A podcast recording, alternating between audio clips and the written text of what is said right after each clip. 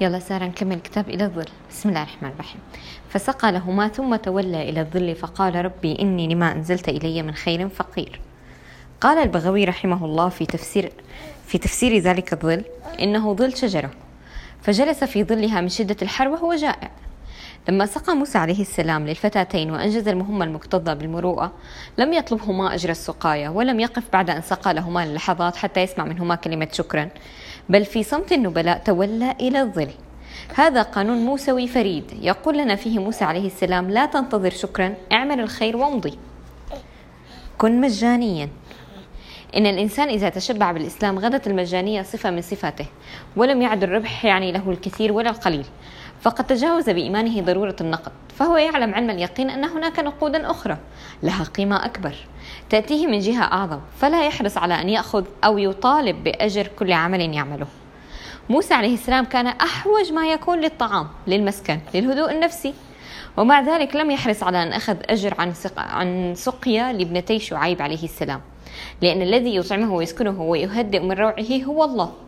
وقد رآه سبحانه عندما سقى للفتاتين. هذا يكفي. ثم تولى إلى الظل بكل هدوء وسكينة دلالة على أنه انتهى دوره. سقى لهما ثم تولى إلى الظل. ما أجمل السعي في خدمة الآخرين بدون مقابل. إنها من أعظم الخصال. ما أجمل أن توصل ماشيا منهكا بسيارتك. فإذا نزل وأراد أن يدفع أجر توصيلك له تخبره بأنك لا تريد منه شيئا. أنت ساعتها ساعتها عظيم. ما أجمل أن تعطي جارك سيارتك ليستخدمها بدل سيارته المتعطلة دون مقابل أو أن تساعد كبيرا يعبر الشارع أو أن تحمل طفلا يكاد أن يسقط. ثم تتولى إلى الظل. إن أصحاب المجانية يأخذون أكثر مما يعطون. هذه حقيقة يعلمونها ويرونها ويلمسونها. المجاني يأخذ الطمأنينة ويأخذ الرضا عن الذات ويأخذ الراحة النفسية ويأخذ الأجر من الله ويعوضه الله بركة في رزقه وصحة في جسده وصلاحا في أولاده. كل هذا دون أن يطلب. لأنه تعامل مع الشكور سبحانه لا مع الناس. الطريق إلى الشرف. لماذا لا يكون جزء من عملنا لله؟ وما كان لله يبقى وما كان لغيره يفنى. لماذا لا نسقي للناس ثم نتولى إلى الظل بهدوء؟ هذا موسى عليه السلام لم يكن يحلم بكل ما حصل عليه. لقد سقى لفتاتين دون مقابل. لم يكن يتاجر مع العالمين كان يتاجر مع رب العالمين. فلم يمضي كثير من الوقت حتى عادت إحداهما تمشي على استحياء.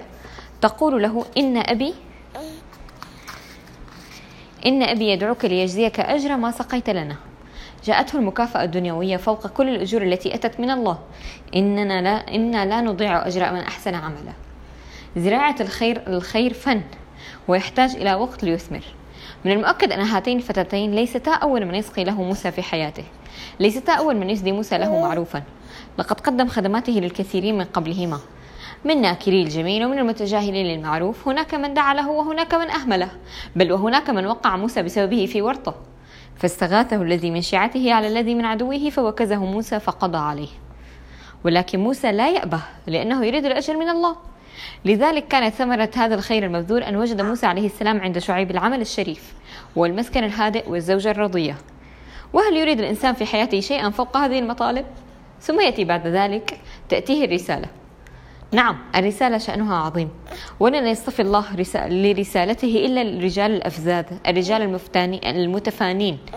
يستحيل أن يصطفي رب العزة لشرف الرسالة رجلا متخاذلا رجلا جبانا رجلا بخيلا. لابد أن يكون النبي على خلق عظيم. إذا تلك المجانية من أسباب اصطفائه رسولا لأنها دعامة من الدعامات الخلقية التي كان يتحلى بها عليه السلام. من المؤكد أن الله تعالى لن يصطفيك لتكون نبيا لحسن خلقك أو مجانيتك لأنه لا نبي بعد محمد عليه الصلاة والسلام. ولكن ثق أن حسن خلقك يؤهلك لنيل الشرف الديني والدنيوي لأن عالم السر والنجوى ينظر إلى الخلق فيختار أصفاهم وربك يخلق ما يشاء ويختار. فتهيأ بالأعمال الصالحة لتكون صفي الله في شأن من الشؤون. الله أعلم بذلك الشأن. نافق وكن دجالا كيفما شئت ولكن لن تنطلي, تنطلي حيلك على الله. لذلك دائما يقع المنافق في شر أعماله. بقدر ما يبتسم للدنيا فإنه يجد التقطيب منها لأن مقلب القلوب يعلم كل شيء عنه. فلن تحب القلوب شخصا يبغضه علام الغيوب. الصبر والمداومة. أحدهم يحدث بأنه يتساهل في العادة مع البائعين في الريال والريالين فيقبض أضعاف ما يتساهل فيه. فصاحب المغسلة يغسل له بنصف القيمة وصاحب البقالة يتساهل معه ويدينه إن لم يكن معه مالا. يقول ويكفيني الابتسامة والرضا والحب الذي أراه في ملامح البائعين. إن كان سيكلفني ذلك الإحساس ريالين فإني سأدفعهما دون تردد وأنا الرابح إن الصبر والمداومة هما سر قبول الله للعمل ومباركته له. فلا تظن أنك بأول بادرة مجانية ستجد المقابل.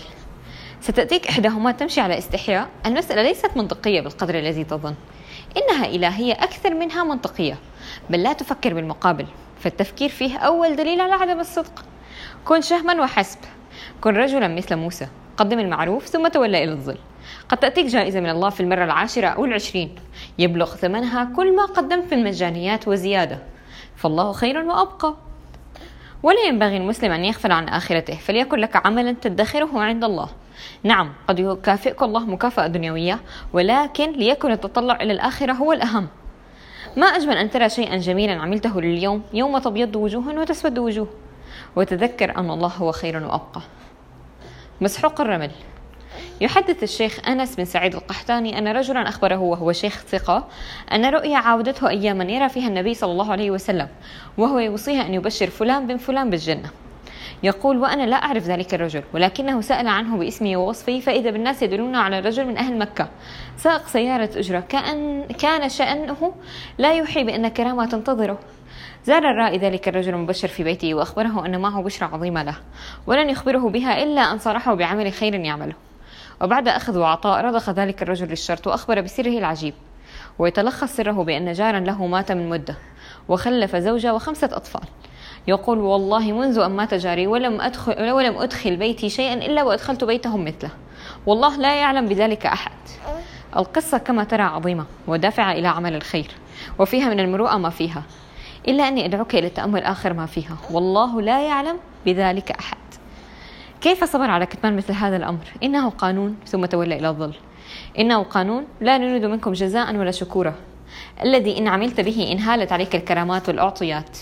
وما أعظمها من كرامة إن كانت الجنة اخلع فكرة المقايضة عن أعطياتك أو عن شيء منها. لا تكن ترابيا لدرجة كثيفة. خفف من مسحوق الرمل في تصرفاتك. واغرس في حياتك شجرة ظليلة. ثم تولى إلى ظلها في, في اليوم مرة أو مرتين. عندها سيأتيك الرضا يمشي على استحياء. المتكئ. أنا وأنت نعرف ممن حولنا من دأبه العطاء. ممن نسميهم أصحاب الأيادي البيضاء والشيء الذي يكاد يكون قاعدة لا استثناء لها. أن لهذا الصنف من الناس إن احتاجوا آه، أو ألمت بهم ضائقة أو وقع لأحدهم عارض صحي تجد أن الجميع يتسابقون إليه مساعدة وبذلة. ليس من يعرف سابقتهم وماضيهم فحسب بل الجميع. بل حتى الظروف تطاوعهم والأحوال تلين لهم وكأن الله أعطاهم من قضائه وقدره ما يناسب قلوبهم الرحيمة. أعرف رجلا, رجلا لا يكثر الاختلاط بالناس ومعارفه قليلون. ولكنه لما مرض انفتحت الأبواب لمساعدته وتهيأت الظروف له وتزاحم الناس لخدمته. تحسنت صحته بعد ذلك ثم بعد سنوات مات. فاكتشفت سر ذلك الحد من الناس وسر تلك الظروف التي حنت نفسها طيعة لحالته. لقد كان رحيما بالعمال الذي يسكنون بالقرب من بيته ويصلهم بالصدقات والهدايا حتى إن بعضهم يوم مات كان يبكي أكثر من أهله. والبعض أعاد إلى أهله الصحون التي كان يضع فيها رحمه الله الطعام ويرسله إليهم. وصدق ابن عباس رضي الله عنه صاحب المعروف لا يقع فإن وقع وجد متكئا.